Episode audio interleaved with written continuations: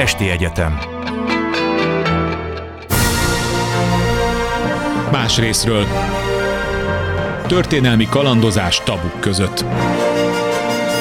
Rózsa Péter műsora.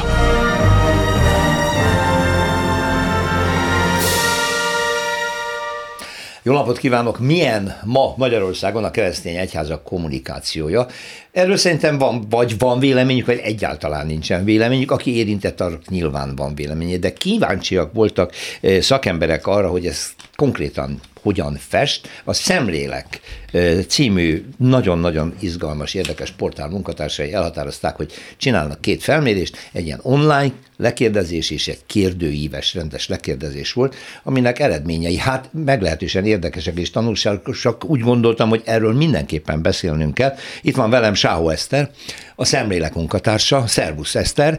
Sziasztok nagyon markáns mondatokat szedtem ki. Igen. Lehet, hogy nagyon durva leszek, mert hogy gyakorlatilag úgy tűnik nekem, hogy a hivatalos egyházi kommunikáció nem, hogy nem tud kitörni egy nagyon-nagyon kis üveggömbből, amiben, amin belül van, hanem inkább negatív hatása van, inkább kontraproduktívnak tűnik, de majd te cáfolod, hogy mégsem ennyire sötét a kép. Mindenesetre egy nagyon jellemző adott válaszokból egy nagyon jellemző részt kébe emeltem. Nem kommunikációs válságról van szó, hanem hitelességi válságról. Szinte mindegy is, hogy mit mondanak, ha ledérruhákban pozoló celebekkel körülvéve a pápának ellentmondva, és a miniszterelnök közeli barátjaként állami rendezvényeken pozoló vezetők teszik, mint egyházi vezető. Lehet, hogy ez szélsőséges vélemény volt? Ez egy vélemény volt a nagyon sok komment, illetve ilyen vélemény közül, amik, akiket megkérdeztünk, de valóban az jött ki mind a reprezentatív kutatásunkban, mind az online kutatásunkban, hogy az egyháznak a hitele az, az hát megcsappant az utóbbi időben. A reprezentatív kutatásunk egy kicsit enyhébb eredményeket hozott, tehát ott egy ilyen, úgy, úgy is fogalmaztunk a címben, hogy hármas alát kapott az egyház. Mm-hmm. Nagyjából. Tehát az, ez nem túl jó. Enyhe közepes, tehát hogy nem jó. Hát ha azt vesszük, hogy az egyház feladat az örömhírnek a hirdetése, tehát egy iszonyatosan nagy evangelizációs De ezt az a kérdés, hogy miért kell ezt nektek vizsgálni, hiszen az egyház a saját intézményrendszeren belül jól kommunikál, a legjobban kommunikál, hiszen a legősibb kommunikáció végül is a, a hit hirdetése. Miért kell akkor ezt összevetni a templomit mondjuk a sajtóbélivel? Nem kommunikál jól belül sem, hiszen nem. a kitöltőknek, a, mind a reprezentatívnál, mind az online-nál a döntő többsége hívő ember, aki kitöltötte. Aha. Tehát 70-80 százalékos arányban ezt olyan emberek töltötték ki, akik kereszténynek vallják magukat. Valamelyik, nem csak katolikus, hanem akár... Nem csak katolikus, bármelyik keresztény felekezet uh-huh. szoba jöhetett, és itt jöttek ki ezek az eredmények. Tehát ezt nem a nem vallásosak mondják, nem az ateisták mondják, nem a kívülről bekiabálók hanem az mondják, érintettek. hanem azok, akik várnának valamire. Így van. Kiderül, hogy nagyjából egy-két szempont, amit várnának? Legyen intenzívebb, erősebb, hmm. őszintébb, legyen kevésbé kenetteljes. Látom, hogy Igen. a celebeket, én gondoltam, hogy sokan kifogásolják. Igen. Uh, nyilvánvaló, de Tóth Gabinak a működéséről van szó, amelyik borzasztó vitákat váltott ki. Például ez volt a leg, legfelkavaróbb, igen, legdurvább talán, ami a sajtóban is átjött, de van más példa is a celebek szerepeltetésére. Hát amit ki tudok emelni, amit, amit a, a véleményekben, vagy amit a vélemények tükröznek, az az, hogy az egyháznak például a nagyon sok kérdésben a hallgatása zavarja. Tehát, hogy nem szólalnak meg nagyon fontos kérdésekben, ez az egyik. A másik, ennek a másik vége a politikai függőség. Azt is nagyon elítélik azok a kitöltők, akik, akik egyébként mondom még egyszer, hogy hívő, hívő emberekről beszélünk. És akkor itt ez már összeadódik, és a hitelesség kérdés, nem amikor külön feltettük ezt a kérdést, ez mindegyik benne van. Tehát a mhm. celebek, a politikai függőség, a, a hallgatás. A hallgatás az nagyon erőteljesen előjött, már a tavaszi felmérésünkben is, amit még egyház és állam kapcsolatáról készítettünk, a legmarkánsabban az egyházak hallgatása jött elő fontos társadalmi kérdésekben. Szóval azért Európában a keresztény egyházak, és főleg a katolikus a vezető katolikus egyház nem teheti meg, hogy a politikához nem viszonyul konkrétan. Hát egyrészt, mert függ anyagilag nyilván Magyarországon meg jelentősen az állami apanázsoktól, a feladatkiosztásban szintén iskolarendszer, stb. Tehát akkor, akkor nem hunyhatja be a szemét, jóban kell lenni, ez még nem jelent elvtelenséget feltétlenül. Ez így van. Szerintem nem is tehetné meg azt, hogy politikai kérésekhez nem szól hozzá. Viszont ja, de hogy szóljon hozzá. Azt. Szóljon hozzá. Hát de hogy legyen kritikus, az... amikor függ tőle? Hát ez egy jó kérdés, így van. De az értékrend... Jó, ez álkérdés volt, de nyilvánvaló, hogy azt várjuk, hogy egy, az egyháztól is, azt bármilyen felekezettől, hogy őrizze meg az identitását, és ne kösse közvetlenül a hajóját mindenkori kormánynak a... Így van. A, és ez nagyon szépen visszatükröződik a számokban, amit szintén nem szeretnek megnézni az egyházaknak a vezetői, vagy nem szeretnek ezzel szembesülni, Ugye most a népszámlálás adatait még nem ismerjük, de a 2001-es és a 2011-es népszámlálás között megnéztük, hogy csak a katolikus egyházban 1,7 millióval csökkent a hívek száma, a népszámlálás, tehát a bevallás, az önbevallás szerint. 1,7 millióval csökkent 10 év alatt a katolikus egyház tagjainak a száma. Mit szól ez Erdő Péter? Nem tudom, hogy mit szól hozzá, mert mi megkérdeztünk papokat, beszélgettünk, hogy volt-e erről legalább belső vita, vagy bármi, valami fórum egyházon belül, és azt mondták, hogy nem. Tehát nem, hogy nyilvánosan nem vitáztunk erről, hanem De ezt az jut eszembe, hogy Németországban is ugyanilyen baj van a katolikus egyházzal. Nemrég olvastam, hogy drasztikusan csökken a hívek száma. Nem, ha, ha jól tudom, nem is arról van szó, hogy a templomban járok, hanem egyáltalán az egyházhoz valamilyen módon magukat oda kötők száma elhagyják. Igen. Mondjuk Németország egy picit speciális hozzánk képest, szerintem ott még rosszabb a helyzet. Németország eléggé külön utas a nagy világegyházon belül Igen. is, tehát ugye nekik van most egy külön szinodális útjuk, a nagy szinodális folyamaton kívül, azért ott látunk olyan folyamatokat. Ez mit jelent? Laikusok vagyunk, bocsánat. ugye a szinodális folyamatot Ferenc pápa hirdette meg, ami arról szól, most nagyon leegyszerűsítve és dióhéjban, hogy a legutolsó hívőnek is lehessen szava egyházon belül, vagyis lentről várja a véleményeket a pápa föl fölfelé. És ez újdonság? És ez egy újdonság, tehát nem föntről lefelé megy a kommunikáció, hanem lentről fölfelé. És működik?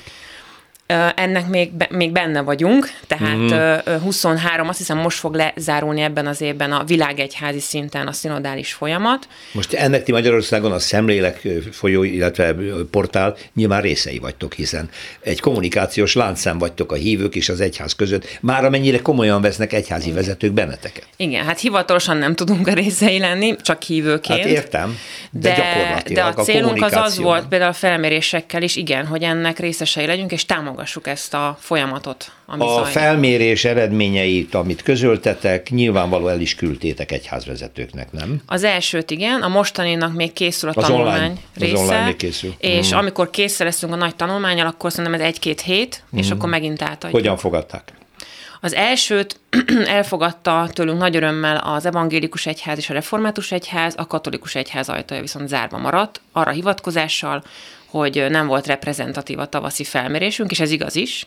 Most készítettünk... Hány fő volt a válaszolók száma, meg mennyi? Öm, azt hiszem 3000 körül volt a válaszolók száma, tehát nagyon meglepődtünk, hogy, hogy nagyon sokan válaszoltak rá. Akkor mi nem reprezentatív?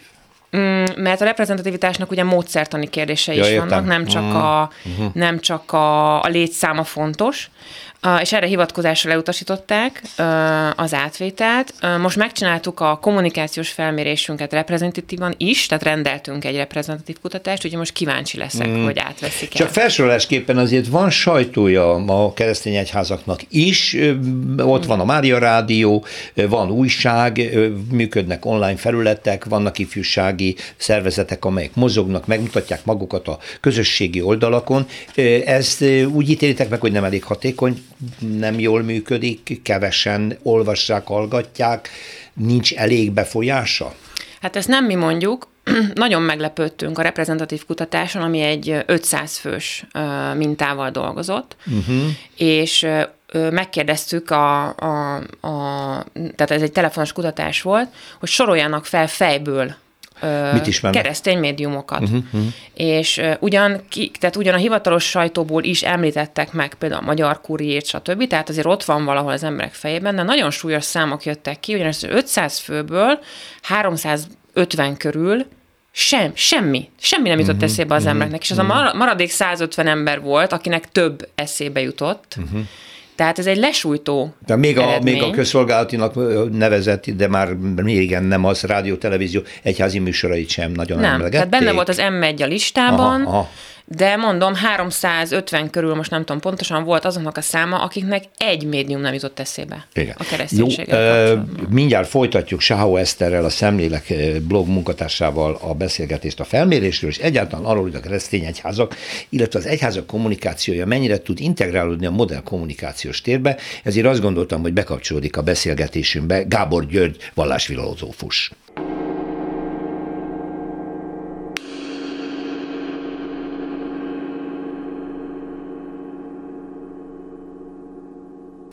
Szerbusz Gyuri, köszönöm. Szerbusztok, én is köszönöm. Azért elmondom a hallgatónak, hogyha hallottad kint a vezérlőben az eddigi beszélgetésünket nyilvánvaló. Így gondolom nem lepnek meg sem a számok, sem a tendenciák, tehát ez a számodra teljesen nyilvánvaló, de én visszakanyarodok, én szegény Eszternek provokatíve azt mondtam, hogy miért csodának kell elvárni, az egyházi kommunikáció vegyen részt a, a nagy média térbe, megvan neki a maga terepe, nem?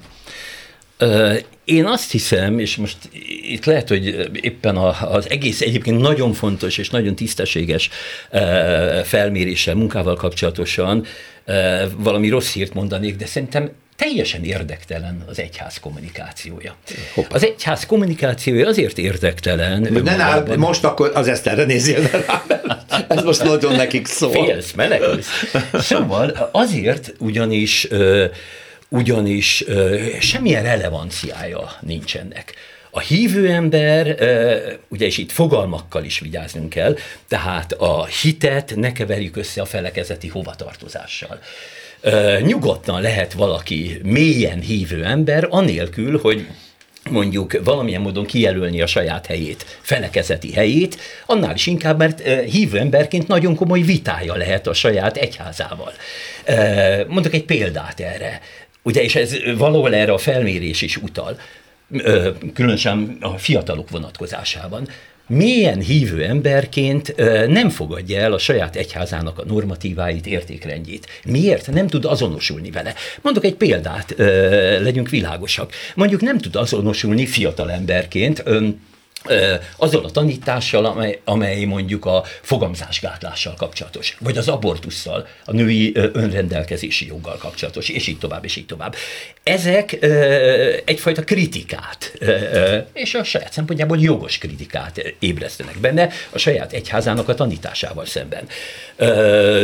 És ez nem újdonság. Szent Ágoston a De Civitate Dei című alapmunkájában megírta, hogy az egyház az nem a szentek gyülekezete, az a civitas terrénának, tehát a no. földi világnak a részét képezi, emberek csinálják, és mint emberek ilyenek vagyunk, bűnös emberek. Vagyis a, a kritika, az egyház kritika, és itt az egyház alatt én most uh, részben a Max Weber értelemben vett uh, intézményt értem, részben pedig azt az intézményt, amely egy hierarchikus struktúraként épül fel, ezt nyugodtan érheti kritika, kritikai támadás, ezt Ágoston, az egyház egyik legnagyobb szentje is megtette a, a maga idejében és módján.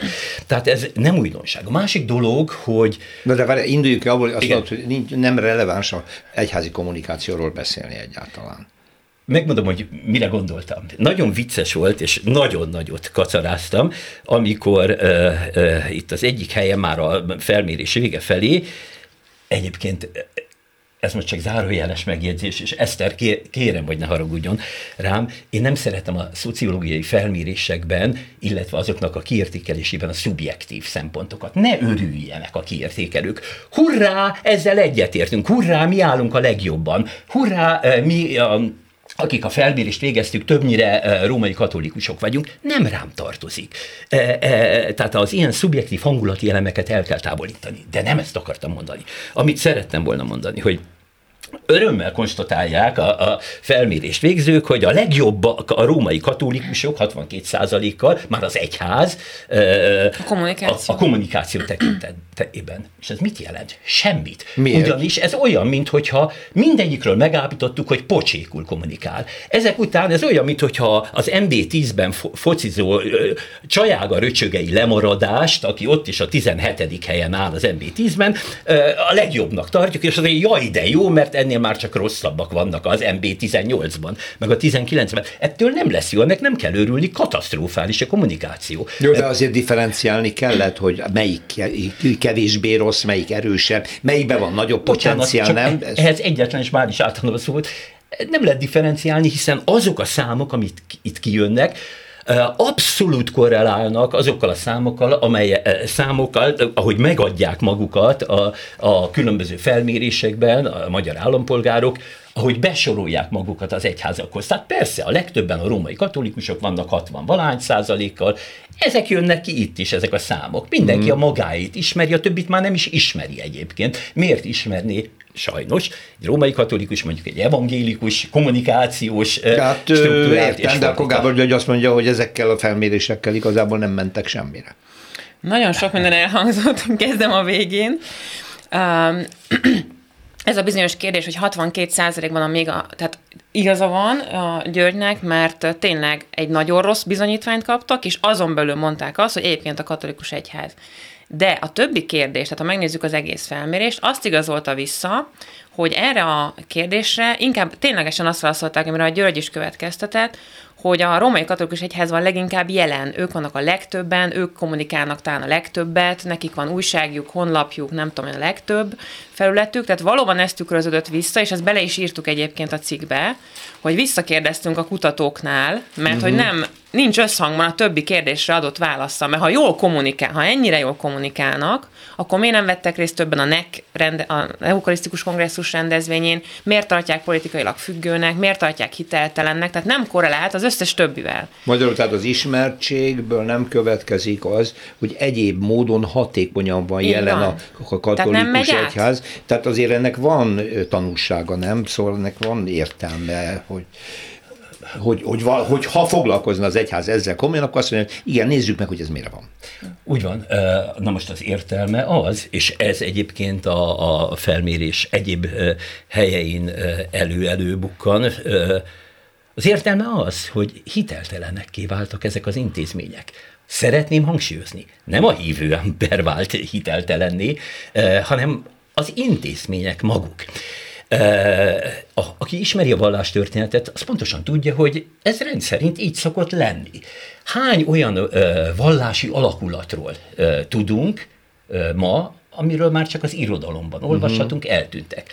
Azok a vallási struktúrák vagy alakulatok, amelyek nem képesek hogy most egészen pontosan fejezem ki magam, ablakot tárni a uh-huh. világra. A második vatikáni zsinat egyik fontos mottóját idéztem, azok idővel, hogy is mondjam, csak visszaszorulnak, jelen, eljelentéktelenednek, és ez egy teljesen természetes folyamata a, a, vallási struktúrák mozgásának. Hadd mondjak egy példát. Téved az, aki azt hiszi, hogy a vallások nagyon sok kiváló vallásszociológus gondolta ezt, a vallások visszaszorulnának a szekularizáció következtében. Nem szorulnak vissza. Máshogy működnek, átstruktúrálódnak. Egy példát mondok. Amikor pár, jó pár évvel ezelőtt a brazil focisták megnyerték a világbajnokságot, most az argentinok, és hazamentek a győztes aranylábú fiúk, hatalmas, már-már rituális egyházi ünnepek keretében Igen. fogadták a fiúkat. És tele volt akkor a világsajtó azzal, hogy hogy megerősödött Dél-Amerikában, Latin-Amerikában a katolicizmus. Egy frászt. Nem a katolicizmus erősödött ha. meg, az gyengült, e vele szemben a különböző neoprotestáns, pünkösdista felekezetek erősödtek meg. Tehát itt is látható egy átstruktúrálódás. A katolicizmus valóban valamilyen módon, ez külön kérdés, hogy miért hitelét veszti, de megjelennek új vallási alakulatok. Hát nem ez történt mondjuk a, a, a, abban a pillanatban, amikor egyszer csak megjelent a színen a történelem színpadán az egész protestáns uh, hagyomány, dehogy nem. Ugye? És ez most nem ennek vagyunk a korszakában, azt mondja Gábor György, hogy átstruktúrálódik maga a a hitélet és a szekularizáció helyett új és új irányzatok jelennek meg inkább, vagy... Olyanok, amelyek jó, nem okay, Viszont akkor azt mondom, hogy az egyházaknak erre is kellene, hogy válasza legyen, vagy hogy foglalkozzanak ezzel. Ez felelhető-e hát, az kommunikációjukban? Ezt? Egyrészt nem, és másrészt Györgyen nagyon egyetértek, most nem tudom, olvastátok-e, a G7-en jelent meg egy, egy kutatás, ami alátámasztja azt, amit az előbb mondtál, hogy vallás és hit az elvált El, egymástól, egymástól. Uh-huh. csak egy nagyon veszélyes ez a folyamat, mert amit hiányoltam a G7 cikkéből, hogy ugye azt írták le, hogy Istenben többen hisznek, egyre többen, de nem az egyházaknál keresik. Na most ez az Isten, ez milyen, akiben ők hisznek? Ez viszont iszonyatosan differenciált. Hú, hát ez nagyon szor, persze. Tehát onnantól, hogy ha mondjuk legalább a Bibliához ragaszkodunk, és akkor hadd legyek most hívőként is jelen, és amit az Isten elmond, vagy Jézus Krisztus elmondott az ő atyáról, tehát ott van benne a Bibliában, ilyen az Isten. Na most, ha ők nem ebben hisznek, akkor nem Isten hitről beszélünk, akkor valami egészen másról, valami nem tudom én, az univerzum, energiák, stb. benne is van a cikkben, hogy ilyenek is beletartoznak most már az emberek Isten képébe, hogy van valami nagyobb energia, mint én. Marosán György úgy foglalta össze a minap megjelent publicisztikájában, hogy két irányzat van. Egy hagyományos istenkép erősítése, ami kevésbé hatékony, és egy alternatív gondolkodás, amely már Einstein óta jelen van a, a, a diskurzusban, a nagy szervező, a nagy irányító, a nagy ö, konstruktőr, ami nem biztos, hogy megszemélyesíthető, és akkor itt már szóródnak az elképzelések. Csak ha elszakadunk a Bibliától, nekem azzal van problémám. Tehát akkor az már nem ugyanaz az Istenkép, amiről beszélünk. Uh, izgalmas dolgokat mondasz, Eszter. Uh, ugye az a helyzet, hogy először is Hát maga az egész zsidó gondolkodás és tradíció és hagyomány is biblikus alapú. Ugye a Tanach a, a, ennek a hagyománynak az alapja, amely a, a kereszténységnek is részben a, a, a saját szent könyve, más Isten, ugyanaz az Isten, hát hiszen egy az Isten, rögtön hozzá te, tenném azt, hogy maximum egy, tehát, tehát ugyanarról az Istenről beszélünk. Nyilván más képzetek, más ö, ö, interpretációk ö, ölelik körül ezt a róla való beszédet. Hát erről szól akár a zsidó kommentárirodalom, erről szól akár a, a keresztény exegézis ö, irodalom fantasztikus gazdagsága. Tehát ahogy leírják, hát hiszen nekünk kell, ugye Maimonides, ez a zseniális zsidó középkori gondolkodó mondta azt, hogy hogyan, nincs -e itt valami metafizikai ö, zűrzavar, amikor mi törékeny, ö, temporális, tehát időben létező emberek próbáljuk leírni azt, vagy kitalálni, hogy mit mondott Isten, az intemporális Isten. Ö, hogyan, az időtlen. Így van, hogyan tudjuk ezt elmondani? Sehogy, töredékekben, interpretációban, ezért kell mindig újra és újra gondolni, például a biblikus hagyományt is. Másrészt pedig, amit mondasz, Eszter, volt ilyen mindig. A panteizmus például micsoda kultúrája volt, ugye? 18-19. században oly kiváló európai gondolkodók voltak panteisták, hogy csak egy nevet mondja Göte. Szóval voltak olyan gondolatok mindig is, amelyek a Biblián kívül valamilyen más. De azért ez nem a nagyon egyszerű hívő emberek világa. Amiről most beszéltek, azért ez egy magas intellektuális diskurzus része, az nem jelenik meg a napi hit kérdés? Szerintem vagy igen? nem. Pont, hogy az ő világuk, és itt jönne be az, hogy a kommunikációnak igenis van jelentősége. Tehát amikor az egyszerű ember nem találja meg a saját istenképét, például a, a a nagy történelmi egyházakban, mert idegen tőle, mert nem tudom én, egy, egy büntető istenképet alakít ki, bármi, most beszélhetnénk nagyon sok mindenről. Na, az a baj. Hát a zsidó biblia is azt mondja, és... hogy bosszúálló Isten vagyunk. Van sok tulajdonság az Istennek, de hogy, hogy, hogyha ezekről nem beszélünk hitelesen, akkor, akkor jutunk el odáig, hogy elkezdenek összezavarodni ezek a képek, és olyan tanok kezdenek el aztán virágozni, amelyek egy kényelmesebb istenképben hitet, hitetgetik az embert, és de akkor ez Én... benne van, hogy ilyenkor marad magára ebben az óriási kommunikációs térben az ember, ha elkezdi keresni az ő saját istenképét, legkevésbé egy egyházi magyarázathoz vagy interpretációhoz nyúl, hanem elkezd böngészni az interneten, mindenféle szektákba De bele, bele botlik, és akkor azt mondja, hogy hát ez, ez, szimpatikus nekem van. Tehát a, a laikus istenkeresésre utalok az egyház nélkül, ami nem biztos, hogy, hogy klassz. Én, ha megengeditek, én tennék egy finom distinkciót. Lehet, hogy nem fogtok ezzel egyetérteni. Vállalom. Mégpedig azt, hogy sokan azt gondolják, hogy az igazi nagy különbség a hívő és a nem hívő között van. Nem. Az igazi nagy különbség a hívő és a hitetlen között van. A nem hívő embernek is, most tradicionális értelemben van hite. Mm a, a, a felmérés egy helyen, az értékelés egy, egy helyén nekem pici vitám is volt az értékeléssel. valahogy úgy hangzik, hogy mi lesz akkor az emberrel, hogyha ilyen rossz a kommunikáció az egyháznak, ha nem, ennyire nem követi az, azt a tradicionális értékrendet, mi lesz az ő moráljával.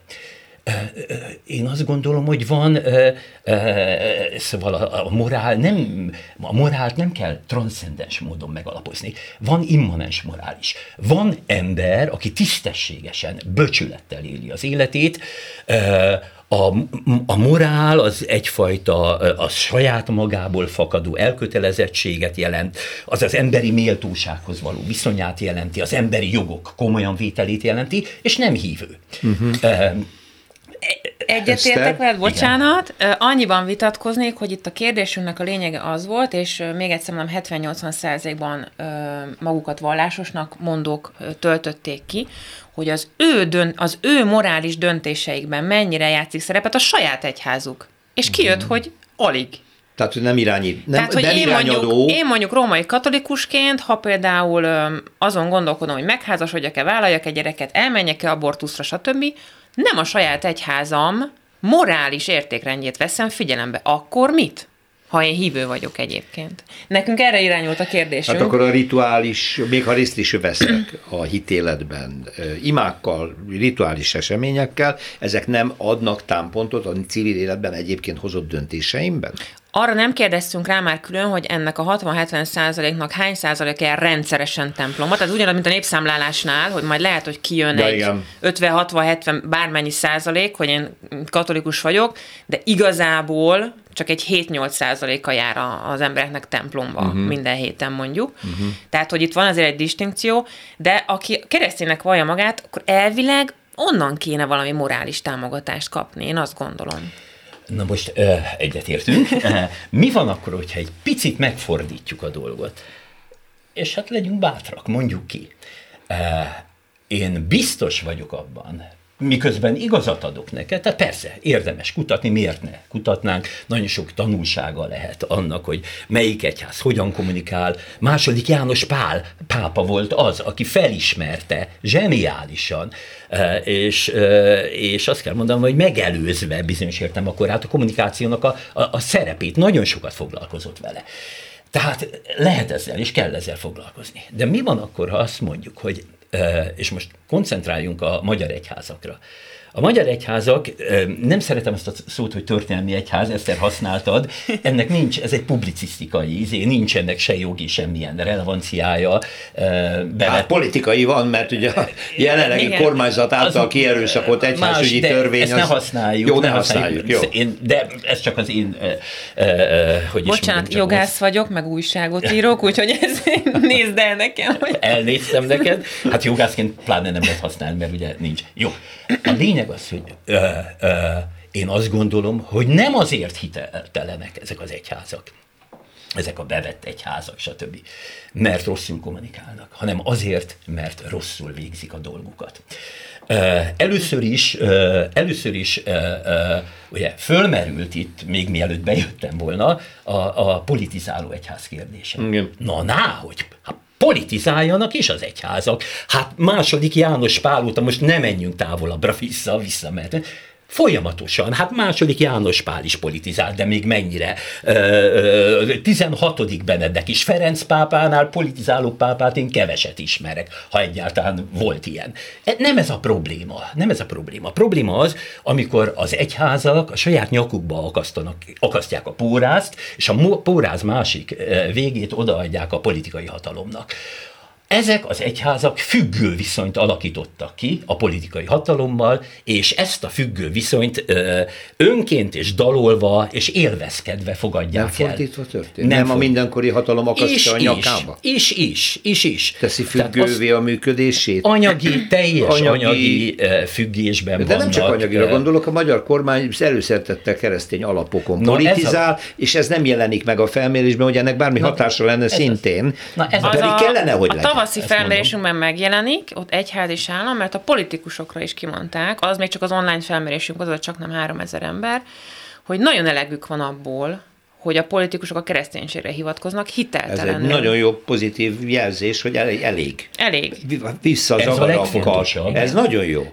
Tehát ez, ez már, volt a legmarkánsabb válasz a tavaszi felmérésünkben. Ez a legfontosabb, és ezt most örömmel hallom, ugyanis az a helyzet, hogy a mai politikai hatalom politikai erőforrássá tette az egy, a vallást, az egyházakat egy olyan politikai hatalomról van szó, amely politikai hatalom három és fél percenként ö, mondja ki azt a szót, hogy kereszténység, a keresztény Magyarország, olyan emberek és olyan politikai hatalom ö, szájából hangzik el, amelynek semmi köze nincs ahhoz a keresztény tradícióhoz, ahhoz a csodálatos építményhez, amely valamikor Jézussal Ez egy kommunikációs termék. Ö, egy politikai kommunikációs, politikai kommunikációs termék. termék, jól használható, és ezt az emberek... nem kell megmagyarázni, nem kell elmélyülni benne, és még csak nem is kell azonosulni a, a, a hittel, a meggyőződéssel, hanem ez egy ilyen közös alap, identitásképző alap, keresztény alapokon politizálunk. Igen, Kész, csak hogy ez mit hívő ember, aki nem Igazából szerintem ez a úgymond a liberális nyugattal való szembehelyezkedésnek az egyik legfőbb eszköze most, ami, amiért, amiért ezt a szót használják nagyon sokszor, egyébként hiteltelenül, de szerintem ez egy ilyen szembenállásnak Már a... csak azért is, mert a liberalizmus és a kereszténység nem zárja ki egymást. Abszolút nem. Az ő, az ő fejükben igen. Az ő fejükben igen. A, természetesen. igen. Viszont, hogyha valaki szépen elolvasgatja mondjuk a 19. század második felében elindult katolikus társadalmi tanítások szövegeit, akkor számtalan olyan együtthatót fog találni, használni kifejezésekben, fogalmakban, amelyek a klasszikus liberalizmus tradíciójából, politika filozófiai gondolatköréből nőttek mm. ki. Tehát ez pontosan így van. Eszter azt mondta, egyetértek, tehát amikor ők azt mondják, hogy keresztény Magyarország, akkor ez részben a liberalizmustól való elhatárolódást jelent, tehát nem valóságos tartalmat, nem szubstanciális tartalmat, részben pedig Hát az idegen szívűektől, az idegen lelkületűektől való elhatárolódás. Tehát azt jelenti, amit egyébként a magyar ö, tradicionális urikatolikus uh, történelmi felfogásban jelentett valamikor, hogy nem zsidó, tehát félreértés ne essék. Mert az igazi, még egyszer mondom, szubstanciális keresztény tartalmak nem hogy hiányoznak, bohóc sipkát húznak erre azok, akik, még, akik rendszeresen erre hiányoznak. Most megleptél, de egyetértek, mert néha használják a zsidó-keresztény szó összetételt, de ezek szerint azt is teljesen hiteltelenül. Azt is hiteltelenül, és nagyon sokan ezt kikérik maguknak. Az, a, azért az a bornyírtság, ami Argentina foci VB győzelme után Magyarországon elhallott politikus szájából elhangzott, az a, az a barbárság, az egészen példátlan. És normális esetben nagy elutasításban kellett volna részesíteni a népek részéről, az egyszerű emberek részéről, mert sértő. És az igen. egyházak részéről, ha már hát, beszélünk. Ö, igen. Tehát, és itt jön a felmérésünk, hogy hallgat az egyház. Abszolút. Igen, igen, igen, ezzel kezdte Ugye, Eszter, hogy... Azokról az egyházakról beszélünk most, amelyeknek közös kötete az a bizonyos szentírás, vagy biblia, nevezük bárhogy. És ez hogy is kezdődik? Ez úgy kezdődik rögtön az elején. Az első oldalon elolvashatjuk, hogy az Isten embert teremtett. Nem azt mondja a szöveg, hogy fehér embert, vagy fekete embert, vagy zöld embert, vagy kék szemű embert, vagy barna szemű embert, vagy ilyet, hanem hogy embert teremtett. Ez az alap, ez az alap előfeltevés, vagy megállapítás a Bibliának. Na most ezek után jönnek a magyar úgynevezett keresztény politikusok, innen kérek elnézést az egész keresztény hagyománytól, az úgynevezett keresztény politikusok, akik elkezdik feketézni, a politika, meg fehérezni. A politika meg mindig belerondít ebbe a dologba, nem akarok túlságosan menni, messzire menni, de ugye azért a politikai antiszemitizmus születésének egyik forrása az a Karl Lueger volt, Bécs polgármestere, aki a antiszemitizmus politikai programjává tette, mert a választói körében ez nagyon népszerű volt, és amikor megkérdezték tőle, hogy akkor miért van ennyi zsidó barátod, ő azt mondta nagyon egyszerűen, hogy az a zsidó, akire én azt mondom, hogy Majd igen. Én Majd én megmondom, hogy ki a zsidó. Magyarul tehát ez már se nem hitkérdése, se nem meggyőződés, egyszerűen praktikus politikai eszköz de ha ez ennyire áthatja, a híveknek el kéne utasítania. Ez így de van. akkor ez meg is jelenik, mert Sáó Eszter mondta a felmérésben, hogy Megjelenik. ott van, ott Igen. van. Csak ha nem veszik át tőlünk, vagy nem figyelnek erre, akkor De nem ez akarnak rám, ez nagyon kellemetlen ebben szembenézni, én így megértem. Van. Tehát egy ilyen felmérésre most a katolikus püspökikar nem azt fogja mondani, hogy hú, hát üljünk le, beszéljük meg, hanem azt mondja magába, szerintem, hogy ezzel egyébként foglalkoznunk kell majd, vagy foglalkozunk is, zárt körökben, de még további hitelvesztéstől félnek, félnek, vagy félnének szerintem, ha ezt ők nyíltan kommunikációs témává tennék. Úgy van, és akkor hadd tegyünk hozzá még valamit. Először is ugye az egyház, az nem a Erdő Péterből áll, meg a püspök. Az nem a klérus. Az nem van. a klérus, hanem például Eszter. Na most Ebből fakadóan... Ez nagyon jó, amit mondasz, mert kimondják, hogy egyház, az ember rögtön az intézményre és a vezetőkre gondol, pedig és ne, a hívek nem jutnak az eszünkbe. Tévedés. Igen. Másrészt pedig, amikor ugye itt feszegetjük a, a, az egyház felelősségét, és most ebben a kérdésben meg kellett, az egyháznak is meg kellett volna szólalnia, sőt, igazából a klérusnak kellett volna megszólalni ebben az ügyben.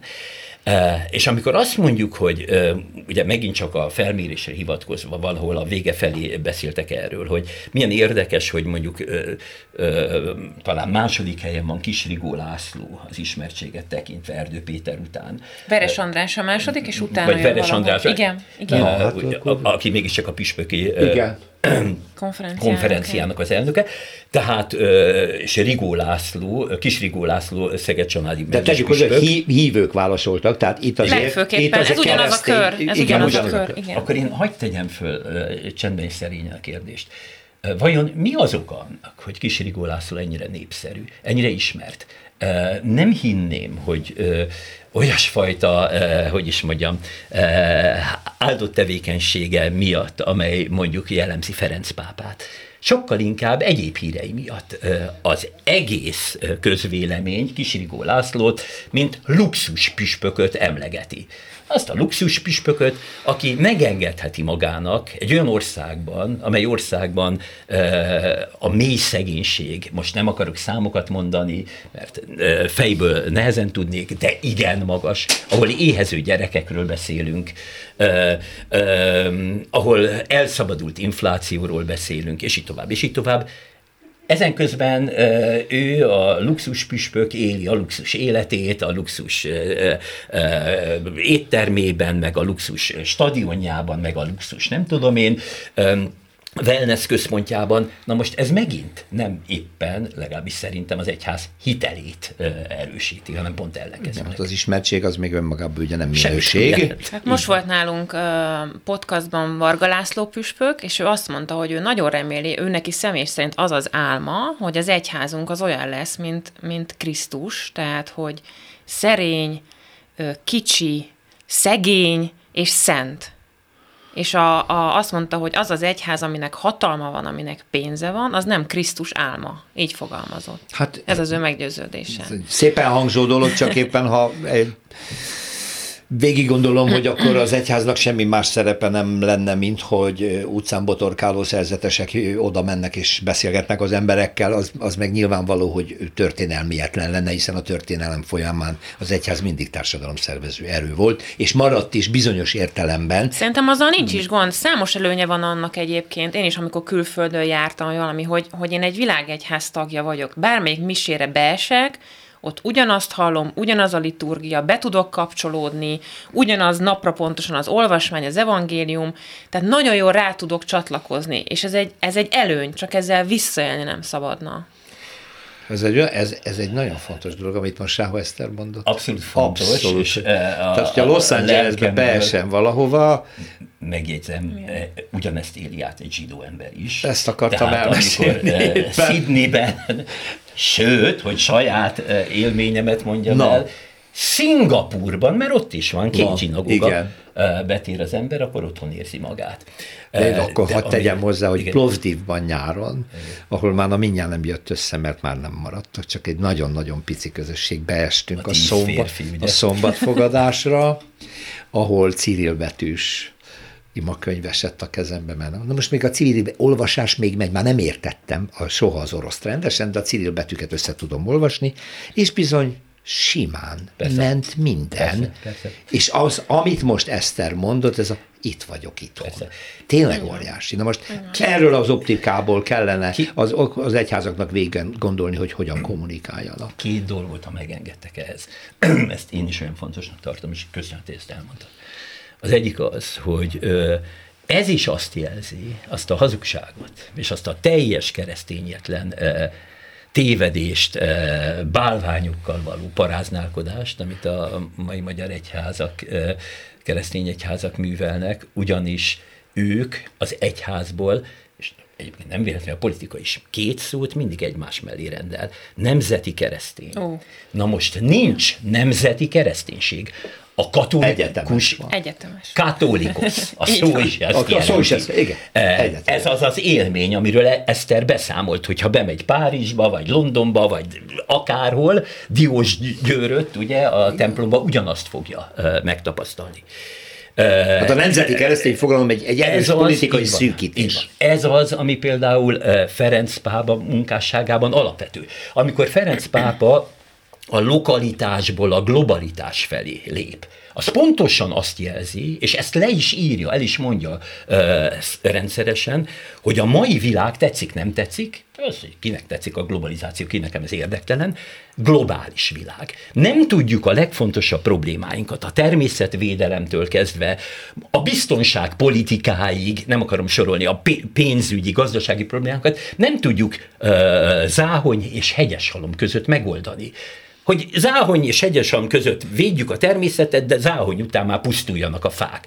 Nem lehet a biztonságpolitikát így felépíteni, hogy záhony, a hegyesam között minden oké, aztán onnan már ezért gondolkodik folyamatosan a globalitásban. Ez az, amit állandóan mond, egyetemesként kell ezt minden problémánkat a mai világban kezelni, függetlenül attól, hogy ki szereti, ki nem. És a másik megjegyzésem, ha ne haragudjatok, Azért volt fontos ez, és azért örülök, hogy ez így előjött mindenkinek a saját élménye alapján hogy ki Plovdivban téved be, mondjuk egy zsinagógába, ki a világnak egy másik helyen, egy római katolikus templomba, és úgy. Szóval azt gondolom, hogy ennek a nyugati világnak, zsidó-kereszténynek is nevezhetjük, európai hagyománynak is ez nem fogunk összeveszni, úgy nevezi mindenki, hogy akarja, az alap közös elbeszélése, ez a bizonyos Biblia, vagyis ebben a világban tetszik, nem tetszik, egyszer vagyunk zsidók és keresztények. Lehet szembe köpni, lehet leköpni a másikat, de akkor önmagunkat köpjük szemen. Tehát ez egy ilyen világ, így értjük egymást. Ezért tudunk most is ennél az asztalnál ülni, és egymással vitázva, meg egymással egyetértve, meg, meg értve egymás hasonlatait, metaforáit, amelyeknek a legtöbbje a Bibliából származik, a szóképeket, ezért értjük meg egymást. Hát ez a fundamentumát kellene mindig ennek újra és újra megfogalmazni és tudatosítani, ez viszont kommunikációs, netán oktatási alapkérdés, mert ugye itt a felmérés a szemlélek részéről nagyon jó szándékú, hogy itt vagyunk, ez van. De a mi a következtetés? Hogy aki nem vesz részt a hitéletben neveltetésénél fogva, mert nem hívő családban, nem valamelyik keresztény vagy nem keresztény, de elkötelezett hívő családban nő fel, az vagy tanulja, vagy nem tanulja, Viszont csak a kommunikációra rábízni meg azért nem lehet, mert ez be van dobva a nagy médiatérbe, ez a téma, és hát mindenki úgy értelmezi, hogy akarja. Nincs kanonizálva, nincs megfogva. Ezért csodálkozom a katolikus egyház elzárkózása okán, hogy miért? Ezt neki kéne feltenni. Tudom, hát hülyeséget beszélek, hogy Eszterre teszem fel, nem, csak rád néztem közben, csak én magam is csodálkozom rajta, hogy hát akkor mennyire, mennyire az elején vagyunk annak, hogy értelmes párbeszéd alakuljon ki. Ha fontos a hitélet, ha fontos csak a keresztény értékek, stb. stb., akkor ezt miért nem a párbeszéd útján válik a mindennapok részévé, kerül a diskurzusba, még mindig az elzárkózás az, amire úgy gondolják a, a, az egyházi vezetők, hogy megvédi őket a világ hívságaitól. Valamiért ezt egy működő stratégiának látják. Nagyon sokan. E- ezt én nem értem, hogy miért. Tehát, hogy ez a kifelé védjük a mundér becsetét, és, és befelé sem történik igazából semmi. Egyébként, de ezt a két felmérést mi azért csináltunk, pontosan amiről az előbb beszéltél, hogy egyáltalán legyen valami kommunikáció. Mm. Tehát, hogy azért kezdtünk bele ebbe a két projektbe, mert annyi jelzés érkezett hozzánk a szemlélekhez, e-mailek, kommentek, messenger üzenetek, mindenféle, és azt láttuk, hogy a, a hívők szavai nem jut el az egyházi vezetéshez. Igen, de azért tegyünk igazságosak, mert az egyes válaszokban megjelennek differenciált gondolatok. Hadd idézek, a Igen. műsor elején is idéztem. Azt mondja az egyik válaszoló, hogy a történelmi keresztény egyházak között kiemelném az evangélikus egyház kommunikációját, akik hitelesen képviseli sok szempontból a keresztény tanítást, és megfelelően reflektálnak közéleti kérdésekre a református egyház kommunikációját ezt nem érzékelem annyira, a katolikus egyház kommunikációja viszont felháborít, mondja egy válaszoló hívő. Tehát, hogy elvárja. Hát ez normális igen. ember, hogy beszéljél a dolgokról. És ez most pont alátámasztja, nagyon jókor hoztad be ezt a megjegyzést, mert ugye most van az ökumenikus ima hét nálunk, e, és ugye itt, az, hogy az evangélikusokat e, pozitívabban értékelik, ez nagyrészt Fabinyi Tamásnak köszönhető, aki például most is az imahetet úgy, tehát ő kimond dolgokat, úgy kezdte az imahetet, hogy nincs szent háború, csak szent béke van. Na most ennek óriási ez üzenete van. Nagyon fontos. A mai Ez szerintem nagyon jókor hangzik el, Nagyon jókor hangzik el? Igen.